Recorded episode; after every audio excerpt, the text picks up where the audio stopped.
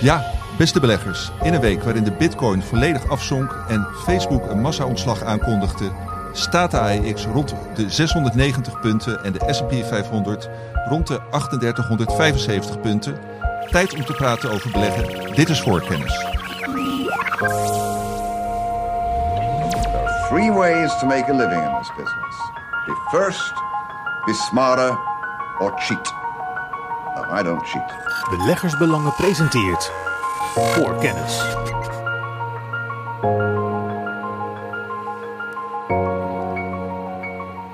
Ja, beste beleggers, leuk dat jullie weer luisteren. Uh, ik ben Johan Brinkman ik mag vandaag weer de presentator zijn. En de gasten van vandaag zijn weer mijn collega's Hildo Laman en Karel Merks. We hebben uh, ook twee hoofdonderwerpen vandaag. Op de eerste plaats gaan uh, Hildo en Karel praten over wat er aan de hand is met de zogeheten FANG-aandelen. Nou, voor wie het niet weet, die afkorting staat voor Facebook, Amazon, Apple, Netflix en Google. En dat zijn allemaal bedrijven die het ja, dit jaar bepaald lastig hebben in velelei opzicht. En uh, Hildo en Karel bespreken ook de extreme koersval van de bitcoin. Uh, de cryptomunt uh, zakte deze week nog verder weg door het mislukken van de overname van het noodlijdende crypto-platform FTX. Maar zoals gebruikelijk, we beginnen met terugblikken. Karel, waar wil jij op terugblikken? Nou ten eerste is vandaag maar weer eens duidelijk geworden. En vandaag is donderdag 10 november. Dat het belangrijkste beursthema inflatie is. De verwachting was uh, 7,9% inflatie in Amerika over de afgelopen 12 maanden. Het werd 7,7%, dus twee tiende beter dan verwacht. En de Nasdaq schoot meteen 4,2% de lucht in. En mocht de Nasdaq ook op deze standen sluiten vanavond, dan hebben wij de beste Nasdaq dag uh, van het jaar gehad. Ja, maar het gaat dus om, om, om twee tiende uh, procent. Klopt. En dan, dan zeg ik, doe ik net even of ik een leek ben en zeg ik dat lijkt me extreem weinig. Dat is bijna goed. Maar dat maakt dan toch zo'n extreem verschil? Ja, klopt. Want op dit moment is de Federal Reserve met renteverhogingen de inflatie aan het afremmen. En wanneer duidelijk is dat de inflatie gaat zakken, dan kan de Fed waarschijnlijk eerder stoppen met renteverhogingen.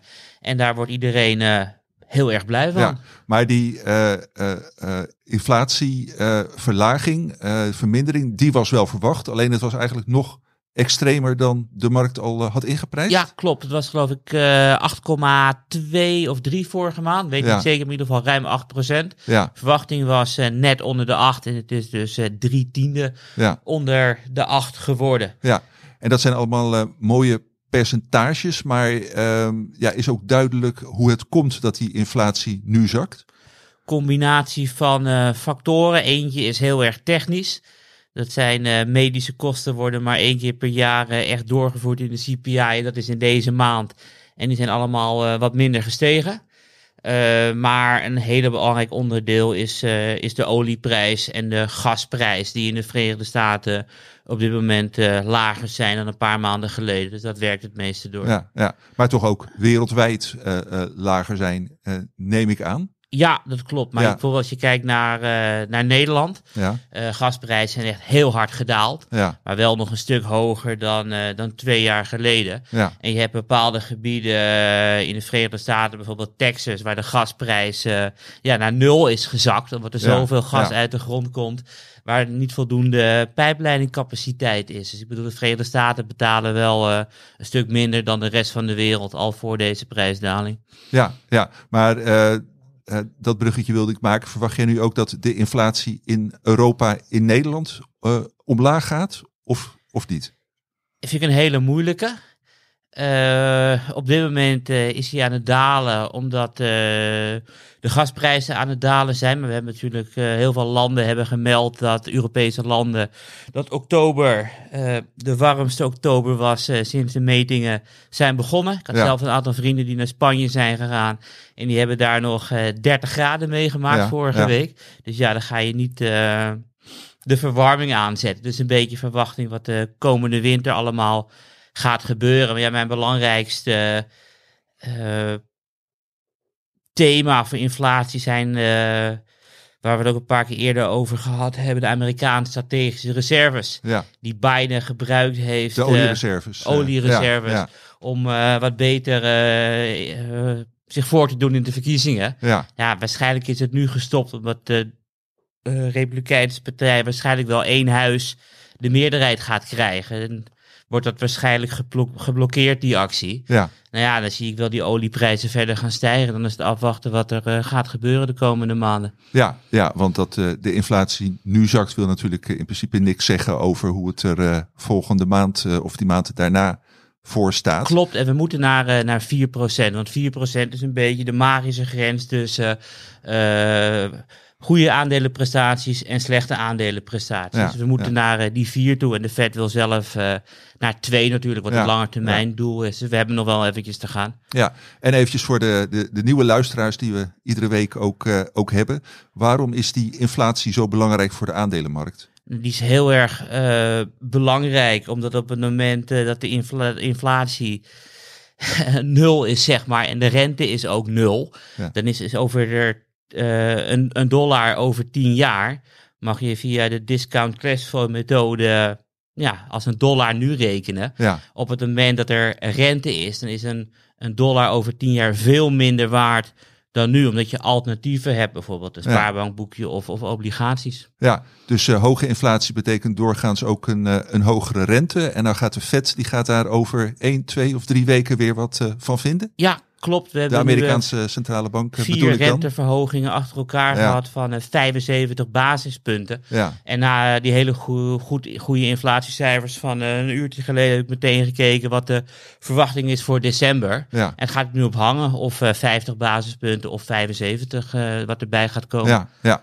maar goed, beleggers eh, proberen altijd eh, eh, vooruit te kijken. En eh, eh, ja, die lijken nu te speculeren op een iets mindere, hardere stijging van, eh, van de rente. Dat eh, is volgens mij het eh, verhaal hierbij. Hè? Klopt, klopt. Ja. Maar vergeet niet dat dit al het eh, hele jaar eh, gaande is. Van inflatiecijfers die dan meevallen, tegenvallen. En de aandelenkoersen die alle kanten opschieten. Want we hebben nu tien volledige maanden gehad in 2022. Ja, Waarvan er zeven een grotere uitslag hebben gekend dan 7,5%. Dus of 7,5% daling of 7,5% stijging. ja, En dus ook in 80 jaar niet meer voortgekomen. Dus het is wel een jaar met heel veel extremen. ja. En daarom wil ik ook nog eventjes wat andere dingen benoemen die me de afgelopen week opvielen. Want Ja. afgelopen vrijdag hadden we bijvoorbeeld eh, de koperprijs die met 7,6% omhoog schoot. ja, En dat is ook in, eh, in 14 jaar niet meer gebeurd. De laatste keer was eh, eind 2008. Dus Ja. de bewegingen op de financiële markten zijn echt, echt enorm. ja, en waarom is met name de koperprijs belangrijk? Nou, de koperprijs is belangrijk omdat koper ook wel bekend staat als eh dokterkoper. Dus, Ja. koper meet dan hoe gezond eh, de wereldeconomie is. En afgelopen week is er ook enorme speculatie losgebarsten dat China misschien in begin van 2023 gaat stoppen met het eh, zero-covid-beleid. Ja. China is samen met Amerika de twee belangrijkste economieën op de wereld. Dus op Ja. het moment dat China weer vol gas gaat geven met de economische groei, dan profiteert eh, iedereen van. Maar eventjes een voorbeeldje noemen. Tientallen procenten van de Duitse autobouw gaat allemaal... die auto's gaan allemaal richting, richting China. Ja, ja, Dus dat is echt heel erg belangrijk dat Ja. China gewoon eh, mee gaat doen. En daarom was het ook een eh, extreme dag met bijna 8% verkoper. ja, ja. Dus eh, tal van grote onzekerheden over de, de economie en het financiële klimaat. had je verder nog dingen, Karel, of kan ik het bruggetje maken naar wat Hildo is opgevallen? Nee, ja, nog wat kleine dingetjes. Even heel snel. We hadden ook de beste beweging in twee jaar van de euro. Ja, Op natuurlijk eh, China eh, de belangrijkste exportmarkt is van Duitsland. Dus de euro schoot echt eh 2% omhoog ten opzichte van de dollar. En dat is ook heel erg bijzonder. En het begint ook wel op te vallen ja, hoe slecht de Chinese economie begint te presteren. Want zij hebben natuurlijk ook olie en gas kopen zij op de wereldmarkt. ja, Maar de producentenprijzen zijn afgelopen 12 maanden met 1,3% gedaald. ja, Dus ja, er is zoveel deflatie, wat zelfs sterker is dan de energieprijzen die stijgen. Dus ik denk dat op het moment dat China weer eh, gewoon open gaat afstappen aan het zero-covid-beleid, dan kunnen we echt een enorme opgang verwachten. Alleen de vraag is van hoe realistisch is het? Ja, ja. nou dan eh, moet je in het eh, politbureau in, in Peking zitten. En dat zitten wij niet. Dus dat, gaan we, dat gaan we hier niet verklappen. Eh Hilde, wat, eh, wat zijn eh, de, de belangrijkste dingen die jou zijn opgevallen? Nou, zoals Karel zei, er is, er is van alles gebeurd eh, de, afgelopen, de afgelopen week. En ehm, ik wil er een paar kleine dingetjes uithalen die ik, heb, die ik zelf gewoon heel erg verrassend vond. En ehm, de eerste was, ehm, ik zag voor, eind vorige week, volgens mij vrijdag, zag ik een, een tweetje eh, van iemand die een quote van eh, de president van de Boston Fed, dus Ja. eh, een, we maar zeggen, de, de, de Fed, de Amerikaanse centrale bank, is verdeeld over verschillende regio-centrale bankjes, om het zo maar te zeggen. En eh, de president van de Boston-afdeling, die, eh, die zei doodleuk eh, dat ze niet naar de inflatie kijken bij het bepalen van het rentebeleid. Dat vond ik op zijn zacht gezicht, op zijn zacht gezegd nogal opvallend. Ja, Ja, zeker, ja, de, Karel heeft net al een hoop erover verteld. Dus ehm, dat je in een, in een jaar dat iedereen het over inflatie heeft, durft te, te beweren dat je als eh, centrale bank niet naar de inflatie kijkt bij je rentebeleid, dat vond ik nog opvallend. Toen ben ik even gaan kijken. En in die, ehm, in die opgenomen, eh, dat opgenomen videogesprek, eh, wat die Boston eh Fed-president had met een eh, econoom. Ehm, daar werd het wel enigszins genuanceerd en het, het kwam erop neer dat zij, ehm, en het wordt ook al wel vaker gezegd, dat zij ook heel erg kijken naar de werkloosheid en de loonontwikkeling. ja, Want waar de Fed eh, bang voor is, en dat is op zich ook een heel terecht punt, ehm, is dat, ehm mens, dat, er, dat er een, een opeenvolging komt van eh, looneisen, waardoor bedrijven hogere kosten hebben, die gaan doorbreken, waardoor er hogere prijzen eh, komen. Die hogere prijzen zijn dan vervolgens weer reden voor hogere looneisen. Ja. En dan krijg je een inflatiespiraal waar je moeilijk uitkomt. Dus daar, ehm, eh, dus die kon, in die context moet je die opmerking plaatsen. Ja, dus ja. Het, is, eh, het is niet alleen de inflatie waar de Fed naar kijkt, maar ze kijken ook naar, ehm, naar, de, naar de arbeidsmarkt, hoe die, die zich ontwikkelt en dan vooral eh, de lonen. En, en het is natuurlijk zo dat als, eh, als er veel, eh, laten we zeggen, koppen rollen, als er een hoop mensen ontslagen worden, ja, dan zijn de, worden de looneisen vanzelf gematigd. ja, Dus dat is nu ook een, eh, dat is ook een belangrijke factor de komende weken, maanden, kwartalen. Eh, naast de inflatie. ja. Ja, want dat ben ik wel eh, benieuwd naar hoe je daar tegenaan kijkt. Je ziet natuurlijk eh, massa-ontslagen. eh, nou, we hadden het net over bij, bij Facebook, bij, bij Twitter. Nou, zo komen er meer in het nieuws. Aan de andere kant hoor je, ja, de arbeidsmarkt in de Verenigde Staten, die blijft gewoon uitermate goed. Er komen veel nieuwe banen bij.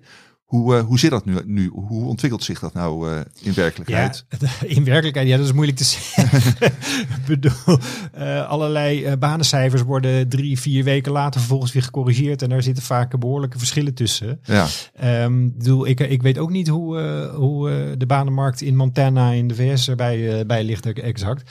Kijk, wat je wel ziet is dat ehm, bij in ieder geval bij de, de techbedrijven in, in de VS, daar wordt flink op de rem getrapt. Dat, dat zie je heel duidelijk. Waar tot echt, eh, tot voor heel, heel kort werd er eigenlijk alleen maar aangenomen. En nu zie je ineens dat er ehm, steeds meer bedrijven ook ehm, eh, mensen weer gaan ontslaan. ja, Ehm, en dat is eh, in de context die ik net noemde, is dat op zich natuurlijk een goede ontwikkeling.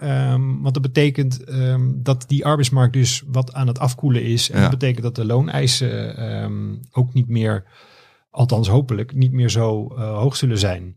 Ehm, dus ja, en, en kijk hoe het, hoe het er echt mee gaat, dat is gewoon heel moeilijk te zeggen. Dus, dus als ik zou moeten voorspellen wat de banenmarkt in 2023 is, ja, ik heb echt geen idee. Dat is. eh, nee, nee, gebe- gebeurt te veel, is te veel onzeker. Ja, Dat, dat, eh, is, dat ja. is zo moeilijk te voorspellen. Ik bedoel, Ja. dat lukt eh, economen die er 24 uur per dag bezig zijn, lukt het ook al nauwelijks. En ik Nee, ben nee. niet 24 uur per dag met de banenmarkt bezig, dus Nee, dat nee. gaat mij ook niet lukken.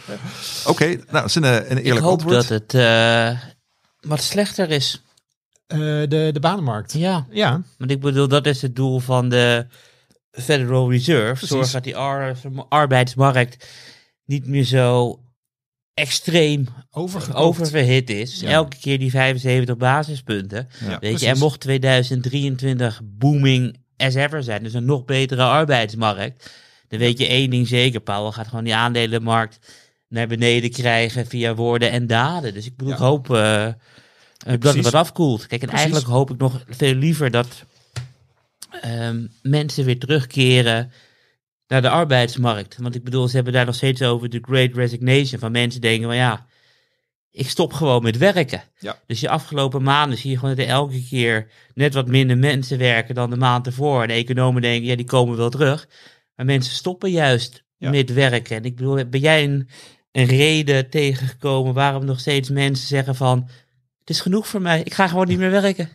Ja, dat, eh, nou, een reden zou kunnen zijn dat, eh, dat heel veel mensen een, eh, hun spaarbankjes goed gevuld hebben in de coronajaren. En misschien dachten van, weet je wat, eh, ik, ik, ik zing het daar wel mee uit. En misschien drijft een hoge rente, die, eh, of sorry, een hoge inflatie, die mensen wel weer de arbeidsmarkt op. Omdat ze misschien nu zien van, oh, wacht eens even. Misschien was wat ik, eh, ik had gedacht dat ik met dit bedrag de rest van mijn leven wel zou uit kunnen zingen. Maar met deze inflatie gaat me dat niet lukken. Dat Dus- zou een positief eh, scenario Ja, zijn. Ja, ja. Ja. Maar dus in ieder geval eh, naast de inflatie ook eh, de arbeidsmarkt, met name in de VS, eh, iets om in de gaten te houden als het om het renteverhaal gaat. En vooral de arbeidsparticipatie, want het is ook het, het meest duidelijke cijfer. Want die meet van elke 100 Amerikanen hoeveel werken er. Ja, Weet je, ja, zitten nu op 62,3 en dat moet gewoon omhoog. ja, Ja. Had jij nog iets anders eh, hierover, Nou, eh, Hildo? Niet hierover, maar iets. eh, dit- We hebben het nu heel erg over macro, maar dit is een heel erg micro iets. Ik heb een aantal jaren geleden een, een, een tip gegeven over een elektrische autobouwer in, een, in de VS, die overigens nog geen elektrische auto's maakt. Het was eh, Canoe. Daar ben ik vrij snel ben ik, ben ik daar weer van afgestapt. Heb ik een verkoopadvies gegeven, omdat ze een hele bedrijfsmodel in een plotsklaps omgooiden. Ja, Ehm, dat bedrijf is dat en dat aandeel dat is een beetje eh, ja vooral dat aandeel is weggekwijnd sindsdien dat is Ja. eh, het is niet veel meer waard maar ik zag toevallig was er waren gisteren de, de kwartaalcijfers en ik kijk daar af en toe nog eens naar en ik eh, wat ik heel opvallend vond was dat het bedrijf heeft gewoon bijna geen cash meer het Nee. is de, de kassa is vrijwel leeg om het zo ja, te zeggen ja. en ik vond de reactie van de CEO nogal opvallend. Ehm, die CEO, een, een, een analist had eh, in de conference call een vraag gesteld over die eh, financiële positie. Nou, en dan begon eh, dat ze wel wat lijntjes hadden uitlopen om aan financiering te komen en bla bla bla. Maar, en dat vond ik het leukste, vond ik dat hij vervolgens zei van ja, maar het is veel beter om heel weinig cash te hebben, want dan wordt er zuiniger omgesprongen met de cash. Dan werkt een bedrijf veel efficiënter. En als je veel cash hebt, dan, ga je, dan wordt het toch alleen maar verspild. Dus op die manier probeer je die, een bijna faillissement probeer je die goed te praten. oké. eh, met, Ja. eh, met het idee van dat je dan veel efficiënter eh, eh, werkt. Dus ik vond het nogal opvallend. En, en of, of, of beleggers het pikken, ik mag hopen van niet. Heel eerlijk gezegd dacht ik van nou, met zo'n CEO, Ja, ja, daar zou ik dus nooit mijn geld in steken. Nee, nee. En, eh, ja, zoals ik, Ja, ik voor heb alle al- luisteraars zou ik ook willen aanraden van zet een keer zo'n analistencall aan. Allemaal gratis te vinden op het internet. En dan krijg je niet dus het vooraf eh ingestudeerde verhaaltje, maar gewoon live reacties op vragen Precies. van hele slimme Ja. analisten. En die reacties vertellen je echt een, eh, een hoop. Dus Ja. ik bedoel, het is eigenlijk gewoon ver- verplichte kosten om naar een analistencall te kijken van de Zeker aandelen die je ja, volgt. ja. Ja. Nou, eh, precies over dit onderwerp eh, heb ik het eh, aan deze tafel eh, met twee andere collega's van ons eh, een keer uitgebreid gehad, waaronder met eh, Stefan Hendricks. En ik zal eh, link naar die podcast ook in de show notes van deze podcast zetten, want dat is inderdaad heel erg leuk om, om daar naar te luisteren. En ja, Hildo, en nu je toch aan het woord bent, kun jij iets noemen wat jij afgelopen week voor het magazine Beleggersbelangen hebt geschreven, wat je aardig vindt om, eh, om hier naar voren te brengen? Ja, nou, door, door verlof heb ik eh, niet eh, bijster veel geschreven de afgelopen week. Ehm, maar ik heb wel weer mijn wekelijkse optietip gedaan. Ehm, dat doe ik, dat, voor mensen die dat niet weten, ik, ik schrijf elke woensdagochtend een optietip. En die komt dan, die wordt dan op het, het web, wordt die nou enige uren later gepubliceerd. Dus meestal zo rond de 1, 2 uur woensdagmiddag.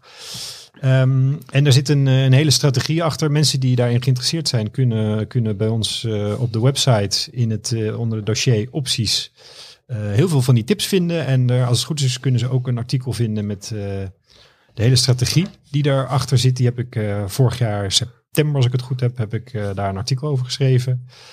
Ehm, dus dat is, ja, dat is wat ik heb. Ja, en even in twee zinnen, waar ging deze optietip over van, van deze week? Een, eh, dat is een call-constructie eh, op NN Group, het eh, verzekeringsaandeel. Dat, dat is ja, een van de, als je het gewoon bekijkt, relatief, het is een relatief goedkope verzekeraar als je het in, in Europese zin bekijkt.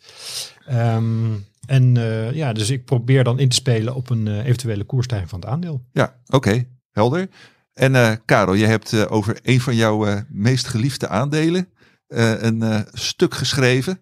Eh, Klopt. wat is dat aandeel? Eh, Disney, Disney. Ah, Ehm, de laatste jaren is Disney echt eh, enorm aan het investeren. ja, En het gevolg van investeringen betekent nou ja, dat de winst eh, naar beneden gaan.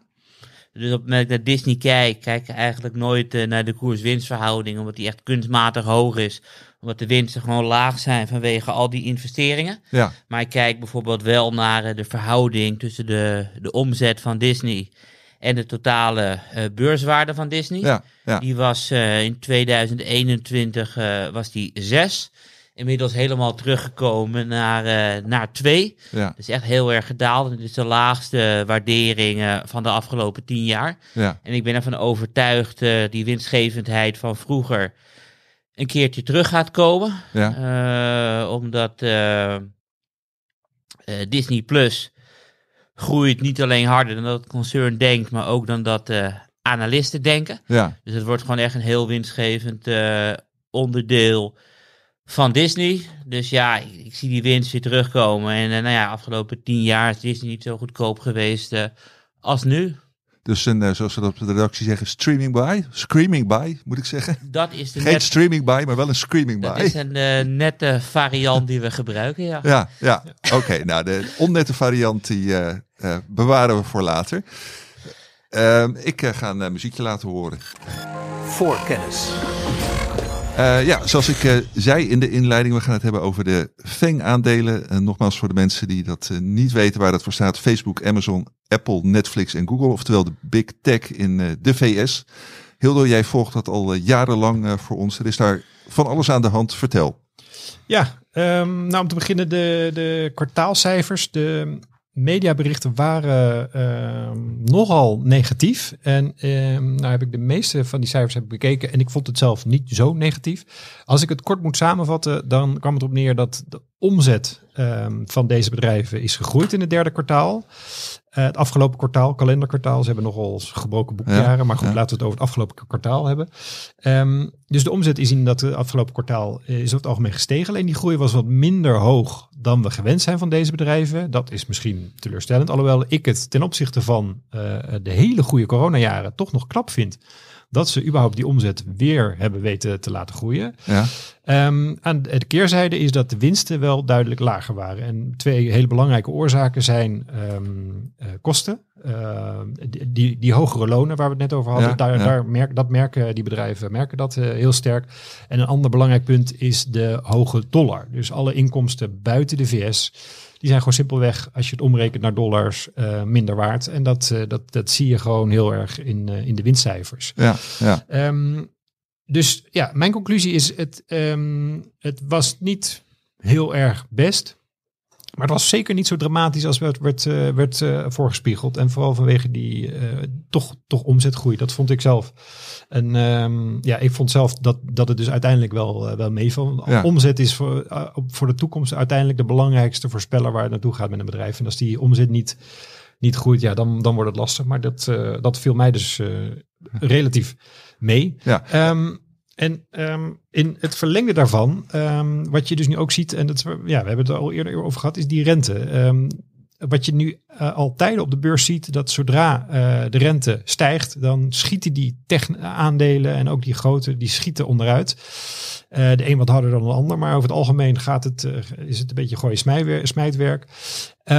En wat, wat volgens mij, wat, wat een belangrijke reden daarvan was, was dat, en dat is denk ik goed om er even aan te memoreren, is dat ehm, techbedrijven vaak eh, gewaardeerd werden ehm, aan de hand van toekomstige winsten. ja. Dus, eh, en Karel had het er net al over, ehm, over die, het geld in de toekomst ehm, is eh, een euro, laten we zeggen een euro die je over vijf jaar ontvangt, die is in principe minder waard dan een euro die je nu ontvangt. Ja. Dat is een bekend economisch principe. Ja. Maar dat betekent dus ook dat als jij als bedrijf nu nog niet zo heel veel winst maakt, maar over vijf jaar wel, als het goed is, heel veel winst maakt, betekent dat dat ehm, als bij een lage rente dat het niet zo gek veel uitmaakt of je die, ehm, eh, of je die winst over vijf jaar krijgt of over nu krijgt. En dat zag je dus terug in de waarderingen van die aandelen. Dus, dus de KW kon bijvoorbeeld 100 zijn of de, de verhouding tussen de, de eh, bedrijfsomzet en de beurswaarde, Ja. die kon bijvoorbeeld, eh, sorry, de beurswaarde en de omzet, andersom, die kon bijvoorbeeld 30 zijn. Dus Ja. 30 keer de, de omzet is de beurswaarde, Ja. wat nogal veel is.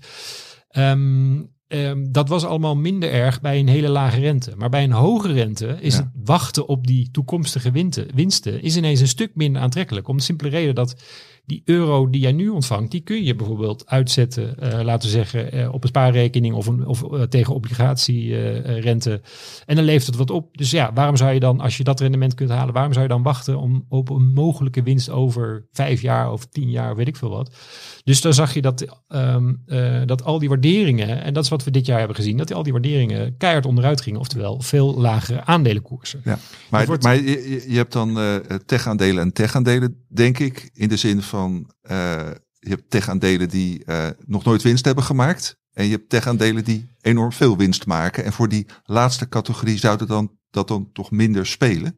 Ja, precies. En dat is ook, eh, dat was, dat is ook mijn punt. Ehm, want die, die, dat, in het Engels wordt dat, dat, die herwaardering, dat wordt multiple com- compression genoemd. Die Ja. multiples, dat zijn dan bijvoorbeeld de KW. Die Ja. zijn dus omlaag gegaan. Ja. En mijn punt is dat als je nu kijkt naar die, ehm, naar die, die grote tech-aandelen, Ja. die zitten qua waardering, zitten die nu ehm, behoorlijk gemiddeld. Ik, ik, eh, om gewoon eens het- te vergelijken, ben ik eens eh, de waarderingen gaan bekijken van een aantal aandelen die ik verder helemaal niet volg, maar die wel vrij bekend zijn, die iedereen zou kennen. Dus ik heb gekeken naar Caterpillar, naar, ik, naar Coca-Cola, naar Procter Gamble, naar Nike. Ja. En wat me opviel is dat, ehm, dat die eigenlijk min of meer vergelijkbare of zelfs wat hogere waarderingen hebben Ja. dan die grote tech-aandelen. Ja. Ehm, en voor mij is dat een teken dat die multiple compression eh, Ja. bij die, bij die eh, grote tech-aandelen, dat die wel echt achter de rug is. Ja. Ehm, Ten zit- opzichte van de hele markt. eh, ja, ten opzichte van het gemiddelde van de markt. Dus als de hele markt zakt, dan kunnen die big, big tech eh, eh, eh, waarderingen ook omlaag. Dus dat, dat ontken ik zeker niet. Maar ik denk dus dat dat gedeelte, ehm, eh, dat we dat wel achter de rug hebben. Misschien niet voor de, eh, voor de Datadogs en DocuSigns en andere De bedrijven die nog geen winst maken. Precies, daar, Nee. daar, dat, dat, is een, eh, dat is een ander verhaal. Ehm, maar ook daar is het weer heel bedrijfsspecifiek. Want er zijn ook, dus ook bij de kleinere zijn er ook gevallen ehm, dat, dat, dat de waardering dusdanig laag is. Dat, dat eigenlijk het ergste eigenlijk in, in, de, in het waarderingsopzicht achter de rug is. Dat wil niet zeggen dat ze niet meer kunnen zakken. Alleen die multiple compression, die eh, is bij een heel aantal aandelen wat mij betreft ehm, eh, wel voorbij. En zeker als je het, eh, want bijvoorbeeld ehm, als je bijvoorbeeld Nike kijkt, dat staat op een KW van 30. Ja. Terwijl bijvoorbeeld Alphabet op ongeveer 18 staat. En Ja. Staat op iets van 12, 11 Ja. à 12. Ja. Nou is dat voor bij Meta is er een hele goede reden voor. Want ik verwacht zelf dat de winst gaat halveren. Ja. Eh, maar goed, dan zit je iets boven de 20 voor, voor, eh, voor Meta. Ja. dus voor mensen die het nog niet weten, Meta, dat is de nieuwe naam. Meta Platforms, dat is een nieuwe naam voor Facebook. Ja. Facebook is uiteraard bij iedereen eh, bekend. Ehm, maar dan zit je op ongeveer hetzelfde als, eh, als Coca-Cola of Procter Gamble. En, Ja. ehm, als je dan weer, ehm, kijk, een, een, een, eh, dus wat mij betreft is die, die link tussen, oh, de rente stijgt, hop, uh, technologieaandelen omlaag, die is, eh, wat mij betreft, is die inmiddels een beetje achterhaald. Maar dan Dus kan ik, één je weet wat ik op de redactie zei. Hè? Van op een, je zegt een beetje achterhaald. Maar we hebben vandaag op basis van de rente de Ja. grootste uitslagen van Ja. 2022. En Ja. dan is toch de Want juiste het- conclusie van die tech-aandelen reageren nog steeds super heftig op de rente. Volgens mij is het Apple 6% hoger bij opening. Ja, nou het punt is dat eh, wat denk ik daar een veel betere verklaring voor is, is dat eh, is recessieangst. Er is natuurlijk angst dat eh, de Fed zo hard die rente gaat verhogen dat Amerika in een recessie komt. En eh, deze aandelen zijn natuurlijk wel relatief gevoelig voor ehm, recessies. Niet allemaal evenveel, maar ehm, als groep gezien kun je, ze, kun je wel zeggen dat ze relatief eh, recessiegevoelig zijn. Bijvoorbeeld meer dan, laten we zeggen, Coca-Cola of Procter Gamble. Ehm, dus ehm, dat is natuurlijk, eh, eh, dus dat is nog steeds wel zo. Dus als, als, ehm, als er een recessie komt, omdat de Fed gewoon net zo lang doorgaat met renteverhogingen tot de hele boel eh, in elkaar stort, om het zo maar te zeggen. Ja, dan, dan is dat natuurlijk slecht nieuws eh, voor deze aandelen. Ehm, de keerzijde is wel ehm, dat de financiële positie van deze bedrijven ehm, bovengemiddeld goed is eh, bij de meeste. Bij de, de meeste hebben zoveel cash of zoveel. Die hebben gewoon veel meer cash dan schuld. Dus die, hebben een, gewoon eigenlijk een, een, een prachtige balans. Eh, met nog wat eh, overtollig cash. Dus ehm, ze gaan het sowieso overleven. Eh, schulden hoeven, geen enkel probleem te zijn. Dus die hogere rente gaat ze niet op die manier rijken. Terwijl dat bij een bedrijf als Coca-Cola bijvoorbeeld wel het geval is. Wat dan wordt gezien als een superveilig bedrijf. Maar die hebt een, een stuk hogere schuldenlast. Overigens niet onhoudbaar, maar die gaan meer last hebben van hogere rente eh, wat betreft de schuld dan bijvoorbeeld Alphabet. Ehm, en een ander punt is dat de winstgroei, als je gewoon de afgelopen tien jaar bekijkt, dan is die winstgroei van deze bedrijven is veel hoger geweest. Ehm, en ik denk dat, dat, eh, ehm, dat er nog steeds, als je naar de wat langere termijn kijkt, dus niet alleen volgend jaar, maar ook de jaren daarna, dat er een redelijke eh, kans is dat eh, deze bedrijven weer behoorlijk hoge winstcijfers laten zien. En ehm, hoger dan eh, ehm, winst, sorry, winstgroei laten zien. Hoger dan bijvoorbeeld bedrijven als Coca-Cola, als Procter Gamble, waarbij de winst nou, dat kruipt omhoog. Ehm, en op zich, er is niks mis met die aandelen. Maar ehm, als ik zelf nu zou mogen kiezen tussen bijvoorbeeld Procter Gamble of Alphabet, dan zou ik het wel weten. Alphabet staat op een waardering ehm, die heel dicht in de buurt komt van eh, eind 2008, begin 2009. Dat het staat er nog maar iets van 10, 15 procent. Heb jij, heb jij een idee uit je hoofd van hoe belangrijk eh, advertenties voor Alphabet zijn? Belangrijk. Wat, wat een van de dingen die ik heb geleerd eh, in een recessie is dat het eerste waar bedrijven op gaan bezuinigen is waarbij ze morgen kunnen stoppen. En dat is heel vaak marketing en advertenties. Ja, maar dat is ook weer dan een van de eerste dingen die weer terugkomen. Ja, ja Dus- nee, maar ik bedoel, is het dan niet beter om te denken van je kiest nu voor een eh FANG-aandeel wat misschien wat minder recessiegevoelig is. En op het moment dat we in de Amerikaanse recessie zitten, dan spelen we met Alphabet op het herstel wat altijd komt. Ja, ja maar ehm, dan kom je dus op het punt van markttiming, waar ik zelf niet zo'n fan van ben. Ik ben zelf eh, ehm, een fan van eh, kies gewoon goede bedrijven uit. En ehm, het idee dat jij die op de bodem gaat kopen, ik geloof daar niet in. Ehm, je, het, het kan lukken, maar dat is meer geluk dan wijsheid. Ehm, en eh, kijk, wat ik bijvoorbeeld met, met Alphabet vind, is dat ehm, dat is zo goedkoop. Daar, de risico's dat er inderdaad dat, die, dat, er, dat we volgend jaar een, een, een, een flinke recessie in de VS krijgen, dat, dat risico is zeker aanwezig. Maar daar staat tegenover, wat ik al zei, die, die hele sterke financiële positie. En de groei die daarna ongetwijfeld weer gaat komen. Want zodra het weer beter gaat, wat gaan bedrijven dan als eerste doen? Dan gaan ze denken, mooi, we gaan weer, hop. En dan, gaan, dan vliegen die advertenties weer om, omhoog. En dan gaan die, eh, eh, die winstcijfers van, eh, van Alphabet, die, die schieten ook weer door het dak. Heb jij een idee van hoe goedkoop die aandelen zijn? En dan bedoel ik meer van hoe ver terug in de tijd zijn we gegaan. Want ik heb gewoon een, een tienjaars grafiek heb ik uitgeprint van de eh, waarderingen eh, van Microsoft. Ja. Het maakt niet uit hoe je er naar kijkt, eh, want tussen 2013 en 2021 ging het alleen maar omhoog. Dus de KW ging van 10 naar 15 naar 20, uiteindelijk naar een high van eh 42 eh, in november 21. En een andere indicator waar ik graag naar kijk is de free cashflow yield. Die ging van 14 naar, wat is het, naar 2. Dus ik bedoel, hoe ver terug is het? Zijn we nu zo goedkoop als...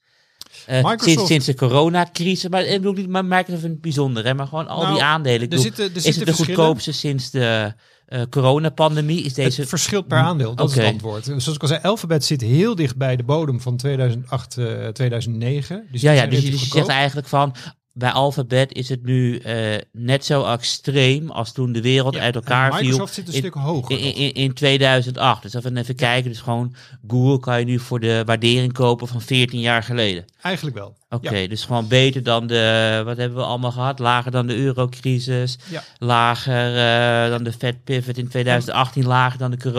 Dus Dat Google, dat Google of Alphabet moet ik officieel zeggen, is echt heel erg eh, bijzonder. Ja. En zaken als Microsoft is dat niet, want die zijn nu gewoon weer net zo duur of goedkoop eh, als je in Nou is Microsoft wel een heel ander bedrijf geworden dan het eh 10, 15 jaar geleden was. Ehm, toen waren ze nog wat nog veel. Kijk, nu verkopen ze ook nog steeds eh, Windows en Office pakketjes. En die zijn natuurlijk heel sterk gekoppeld aan de verkoop van eh, eh, laptops en dat soort dingen. Ja, Ehm, nou, daar verdienen ze nog steeds geld aan. Ehm, eh, dus da- daar zijn ze nog steeds wel enigszins gevoelig voor. Maar ze verdienen ook veel met cloud-diensten. En ehm, dat zijn veel stabielere inkomstenbronnen. Ehm, en de winstmarges zijn ook een, een stuk beter. Dus, dus Microsoft is wel echt een ander bedrijf. Dus dat is denk ik een verklaring ehm, eh, waarom Microsoft nu er relatief eh, beter bij staat. Ja, ze eh, worden minder hard geraakt door de recessie, door Ja, de je- je ze ziet- geen advertenties hebben. En, en, en laatste vraag, ik wil nu we Alphabet zo enthousiast over zijn met het beste koopmoment sinds, eh, sinds 14 jaar. Als je kijkt bij de tien grootste bedrijven in de Verenigde Staten, staat er altijd bij Alphabet A en Alphabet B. Ja. Ehm, hebben wij bij beleggersbelangen een, een, een voorkeur voor A of B? Maar het is wel heel erg opvallend van alle grote bedrijven. Heb je dus twee keer Alphabet ertussen staan. Ja, ja ik, eh, ik ga zelf altijd voor Google met een L.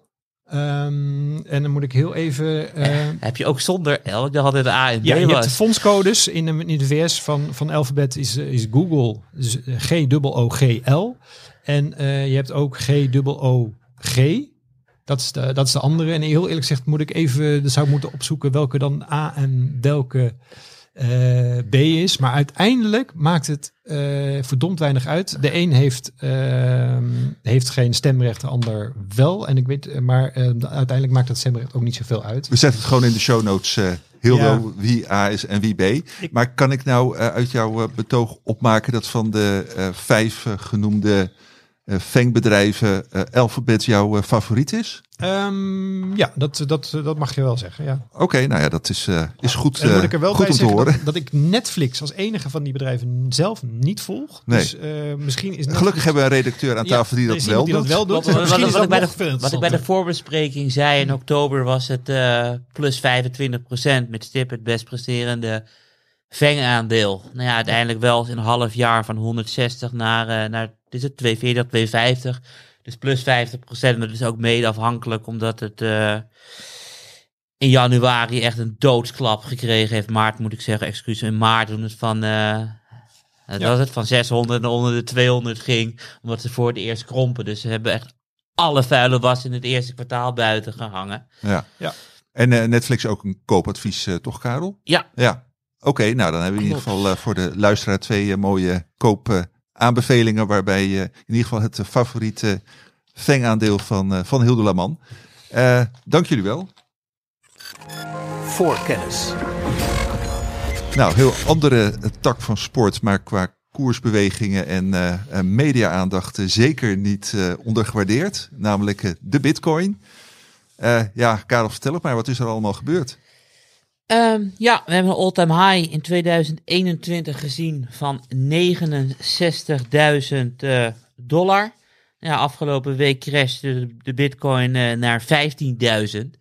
En dit is bijna eh 80% lager. En het laatste stukje kwam omdat eh, een van de grootste crypto-beurzen op de wereld, FTX, in financiële problemen is gekomen. Uiteindelijk zou deze eergisteren, dus het was het eh 8 november, eh, gered worden door Binance. Dat is de grootste cryptobeurs op de wereld. Alleen eh, Binance had gezegd, ja, voordat we het definitief maken, willen we even in jullie boeken kijken. Ja, dat is wel eh, de gewoonte, hè? Klopt, Ja. klopt. Alleen toen kregen ze een, eh, een hartverzakking. Dus ze zeiden, we doen dat niet. En toen eh, ja, ging het aandeel, eh eh, althans, moet ik zeggen, de bitcoin en alles gerelateerd, compleet door het putje. Ja, ja. En eh, ja, moet je even uitleggen, want in principe is natuurlijk eh, de bitcoin is iets anders dan eh, een van de platforms waar eh, op je kan handelen in die munt. Maar het heeft wel heel erg veel met elkaar te maken. Klopt, wat ik bedoel, FTX handel je bijvoorbeeld in bitcoin. En Ja. daar hebben klanten ook, ook rekeningen. Ja, En de vraag is van, wat is er gebeurd op die rekeningen? Want op het moment dat jij een rekening opent, dan is die rekening eh, eh, van jou. Het geld Ja. wat erop zit is van jou, Johan. En Ja. ook de verschillende munten, waaronder de bitcoin die jij erop zet, is van jou. ja, Ondanks dat hebben ze wel een, eh, een gat van eh 8 miljard. ja, En de vraag is, hoe kan 8 miljard weg zijn? ja, En we hebben natuurlijk in 2011 of 12 herinner ik me nu eh, MF Global gehad. ja, En daar heb- heeft gewoon de directie eh, nou ja, een greep in de rekeningen, rekeningen gedaan en er eh, allemaal beleggingen van gekocht wat misging. En de vraag is, wat is hier gebeurd? Kijk, en met beleggen is een van de belangrijkste dingen vertrouwen. Ja. Kijk, en op het moment dat het vertrouwen weggaat, omdat mensen dingen gedaan hebben die je gewoon niet kan doen, Nee. ja, dan denken mensen, we willen er niet meer in beleggen. En ik heb zelf een soort ja, eh, 2007 gevoel. Maar toen ging alles in de, in, nou, noem maar even, de oude financiële wereld ging mis. We hadden een, een, bankrun op Northern Rock. We hadden Countrywide de Financial dat omviel. Bear Stearns eh, moest gered worden, et cetera. En nu rommelt het zo in die, eh, in die crypto-wereld. En we hebben het echt over eh, enorme bedragen. Ja. Want die man, want ik moet inderdaad vergeten altijd weer eh, zijn naam hoe die heet. Oh ja, die Sam Bankman. Ja. Die werd vorig jaar nog een, eh, in de Fortune geportretteerd. Ja. Dat het de nieuwe Warren Buffett was. En wat hij alles aan het opkopen was. En zijn beurs groeide Ja, snel. le- le- leg nog e- toch heel, heel even uit wie hij is. Hij is de topman van, FTX. van FTX, ja? ja? met een geschat vermogen toen de tijd van eh 30 miljard. Ja, En nu is het, eh, als ze failliet gaan, waarschijnlijk nul. ja, ja. En dat FTX, dat is echt een van de grotere platforms. Ja, eh, klopt. Ja, Binance is de grootste. ja, En FTX eh, is één van de, van de grotere. ja. ja. Dus het is echt... eh, en is, is dat zelf ook beursgenoteerd of niet? eh, nee, Nee, dus dat, eh, dat valt dan weer mee. Klopt, voor maar de- het is wel, het is wel allemaal met elkaar eh, te maken. Want er hebben wel heel veel private equity die in die bedrijven eh, investeren. Als Tiger Global en Softbank en, en dat soort partijen. Die zijn wel allemaal beursgenoteerd. ja, En die hebben wel rakenklappen gehad in de, in de afgelopen dagen. ja, ja. Maar goed, dit is iets wat eh, inderdaad in de afgelopen dagen in weer een nieuwe stroomversnelling is gekomen. Maar dit is al, eh, nee, zei het eigenlijk al het hele jaar bezig, of Klopt. meer dan een jaar. Klopt. Wat, wat is er nou onderliggend aan de hand, eh, ja, waardoor die eh, bitcoin, die, waar ooit eh, zo heel veel mensen heel veel geld mee hebben verdiend, nu opeens zoveel verliest? Nee, kijk, het punt wat Hildo al uitlegde. En mijn, ook op mijn punt van de afgelopen jaren. Heel veel beleggers kochten bitcoin omdat ze geloofden in het idee van bitcoin. Van er zijn er maar 21 eh, miljoen.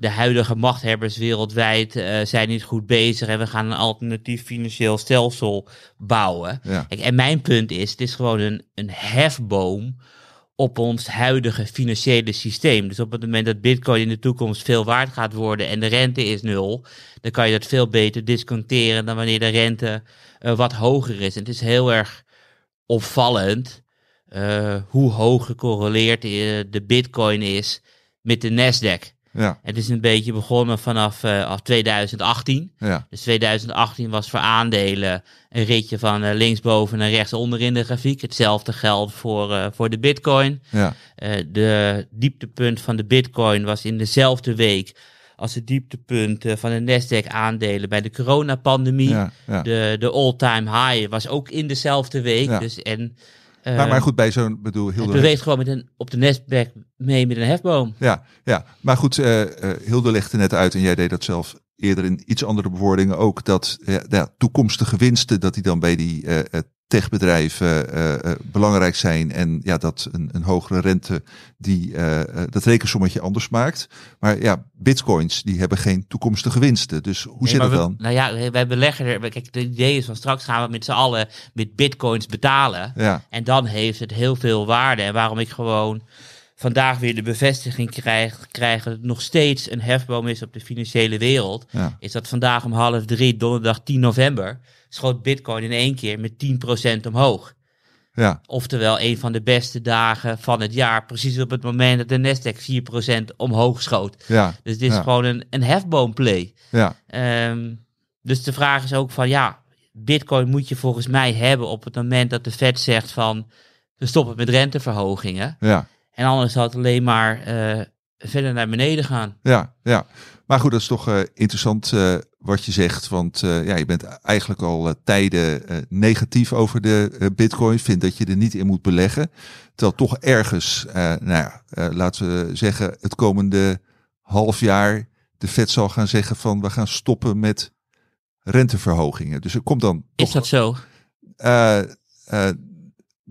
Volgens mij wordt er van uitgegaan dat ergens volgend jaar het ergste wat betreft inflatie en renteverhogingen wel achter de rug is, toch? Ja, dat klopt. Ik bedoel, officieel gaat de markt uit dat het hoogtepunt eh 5% zal zijn in de Fedrente in maart 23. Ja, Alleen dit is wel al eh 12 maanden elke maand eh, aan het opschuiven. Ja, Dus op het moment dat dat achter de rug is, is het achter de rug. ja, Alleen het kan natuurlijk ook nog een heel stuk langer. ja, eh, ja. Nee, maar goed. eh, doorgaan. eh, Kijk, en het mooiste is van- Je kunt ook zeggen de komende vijf jaar. Er zal ergens een moment komen dat de Fed stopt met renteverhogingen. Is dat dan het moment om weer in bitcoin te beleggen? Ja, sowieso. We zijn ook enthousiast geweest over Bitcoin. hebben we ook een omslagartikel over geschreven in november 2020. Kijk, en het idee was toen in november 2020, we hebben een vaccin en we hebben een eh, stabielere president gekregen in de Verenigde Staten. Ja, Eh, en er zijn zoveel treinen voor die, die, financiële markt omhoog trekken.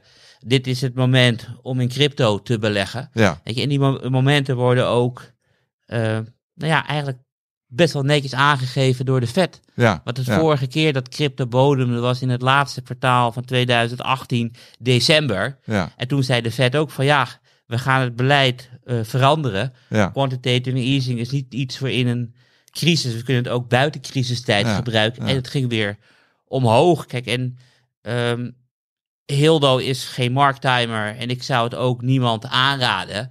Maar op het moment dat we in een Amerikaanse eh, recessie belanden.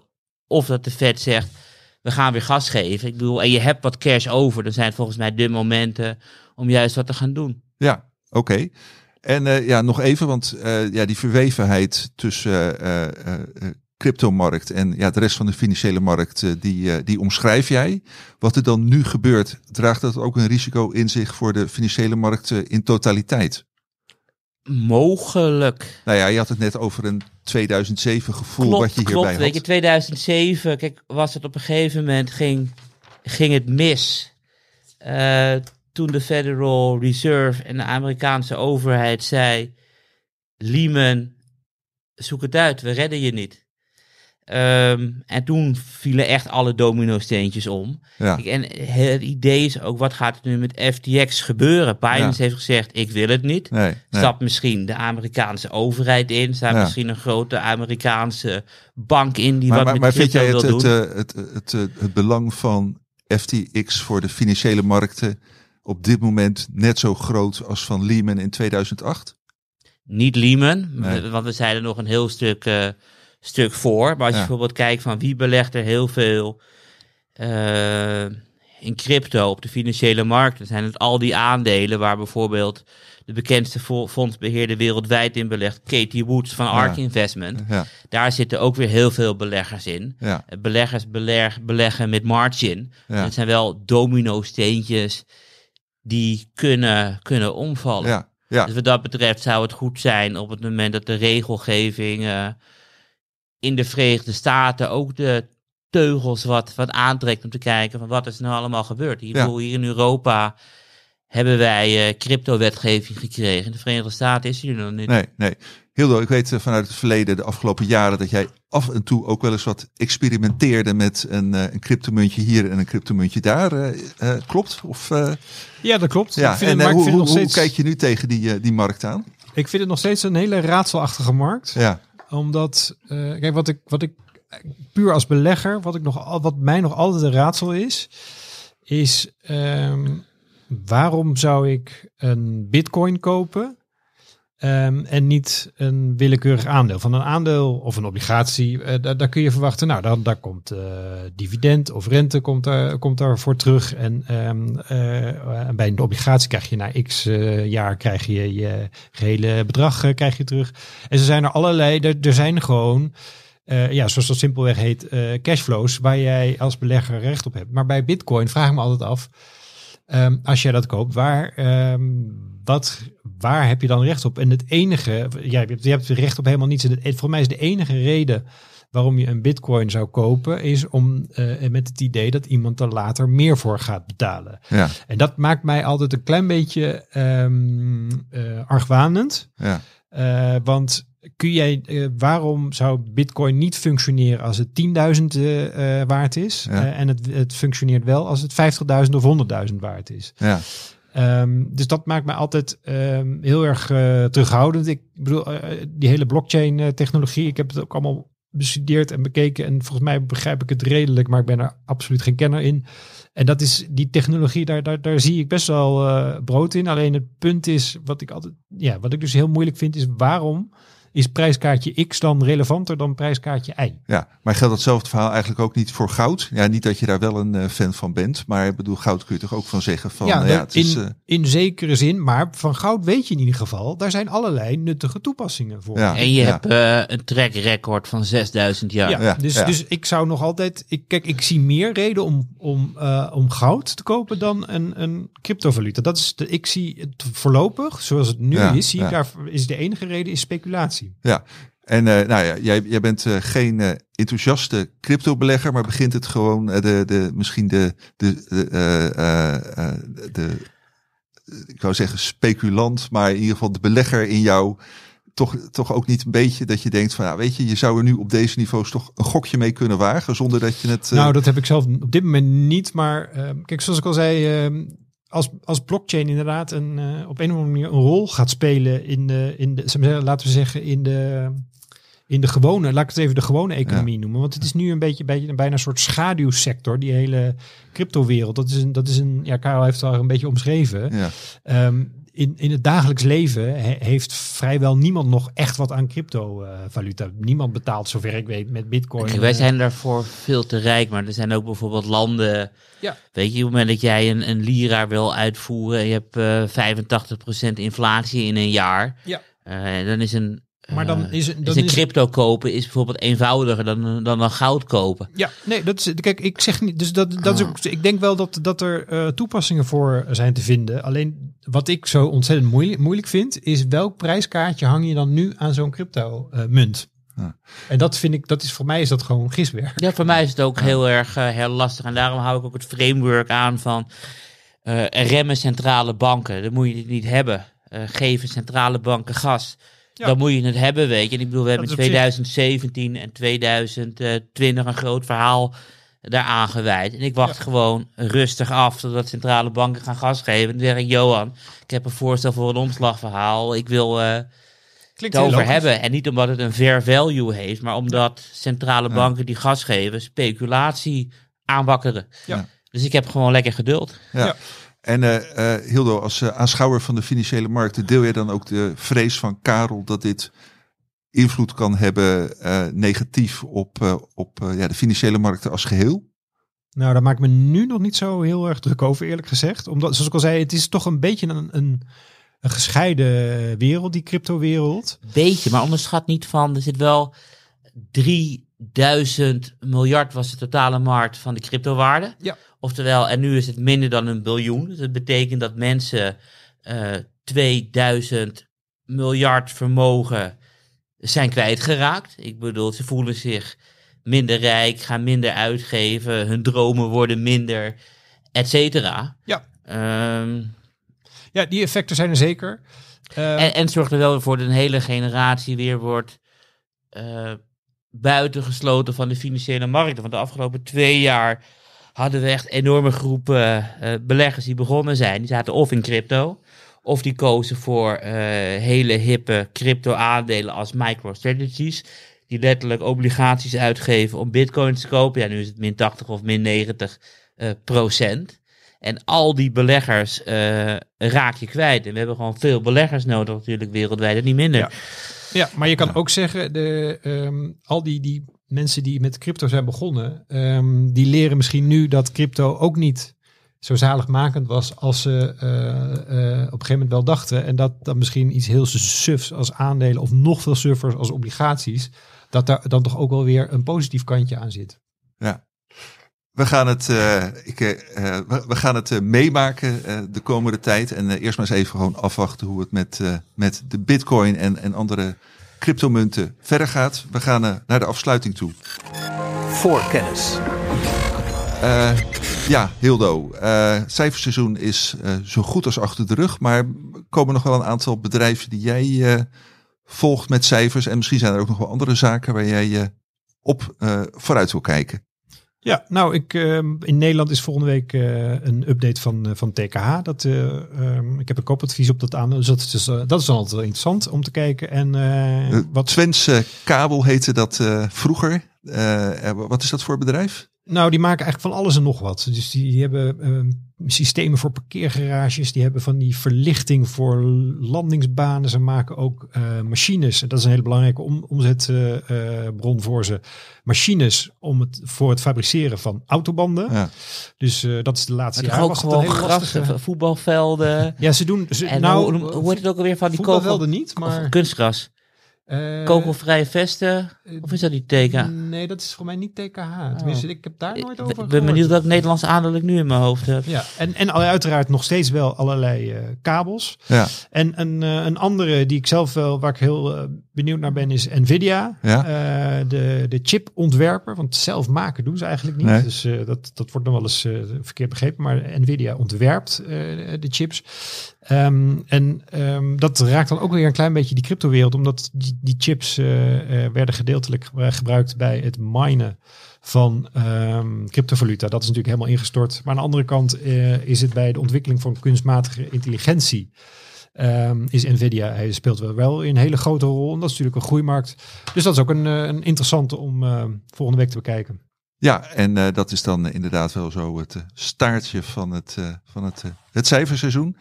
Eh, Karel, wat zijn de dingen waar jij eh, het meest naar uitkijkt? Eh, de afloop van FTX-beurs, hoe dat gaat lopen. Ja, Ik ben wel heel erg nieuwsgierig. Vandaag op de 10 november komt Duolingo met cijfers. Een aantal weken geleden over het aandeel geschreven. Dus ik ben heel nieuwsgierig hoe dat verder gaat. mooie naam, Duolingo, wat, wat doen ze? Klopt. talen-app. Dus als je bijvoorbeeld een taal wil leren, dan zijn ze wereldmarktleider in. Meer dan eh 500 miljoen downloads Ja. in het bedrijf. Groeit als kool. En daarnaast ben ik ook heel erg nieuwsgierig naar eh, de beursbeweging. Want het is zo heftig de laatste tijd. En ik ben ervan overtuigd eh, dat boelmarkt eh, stabiliteit oplevert. Ja, En berenmarkt instabiliteit. Dus ik bedoel, ik hoop dat alles weer een beetje gewoon rustig wordt. ja, ja, Ik bedoel, eh, hoe enthousiast we ook Menno horen op de redactie, hoe hard het omhoog spuit allemaal vandaag. ja. Heb ik liever gewoon elke dag een stapje dan meteen zo'n eh, maanlanding als vandaag. ja. En wanneer kunnen we weer eh, ja, zo'n bepalend cijfer verwachten zoals vandaag, dat inflatiecijfer? Of zo'n bepalende beslissing van de Fed? Poeh, ik denk dat als we kijken naar de rest van het jaar, ik heb het niet opgezocht, maar het zal de eerste vrijdag van eh, december zijn. Ja, Dan krijgen we dus het eh, maandelijkse banenrapport. Nou, Ja. Uiteraard kijken we naar die participatiecijfers. Dat gaat echt bepalen van eh, hoe krap die Amerikaanse arbeidsmarkt wordt. En je hebt om de zes weken heb je Federal Reserve. Volgens mij was de laatste vorige week. Dus tel er vijf weken bij op. Die zal in de tweede week van december komen. ja, ja. Dus het is eh, tot Sinterklaas is het rustig aan. En daarna nog twee belangrijke market Ja. events voor kerst. Ja, ja. Dus eh, tot Sinterklaas inkopen doen en dan weer eventjes eh, wachten. Klopt, en morgen natuurlijk eh, Singles Day, tegenwoordig groter dan Black Friday. Dus ik ben benieuwd of dat de Chinezen morgen gaan kopen. Is dat alleen in China? Of, want Nee, is wereldwijd. is wereldwijd. Oké, ja, ja. Ik, ik ben net zo min als jullie overigens single, dus ik weet er helemaal niks van. Maar we, we volgen het wel, dus hartstikke goed. Oké, dank jullie wel, Karel en Hildo. Ik zit hier, eh, dank jullie wel, luisteraars, voor het eh, eh, luisteren. Ik zit hier volgende week met Menno van Hoven, Stefan Hendricks. Heeft u vragen aan die specialisten of nou, nog aan Karel en Hildo? Stel ze dan een mail naar voorkennis.beleggersbelangen.nl. En nogmaals dank voor het luisteren en tot volgende week.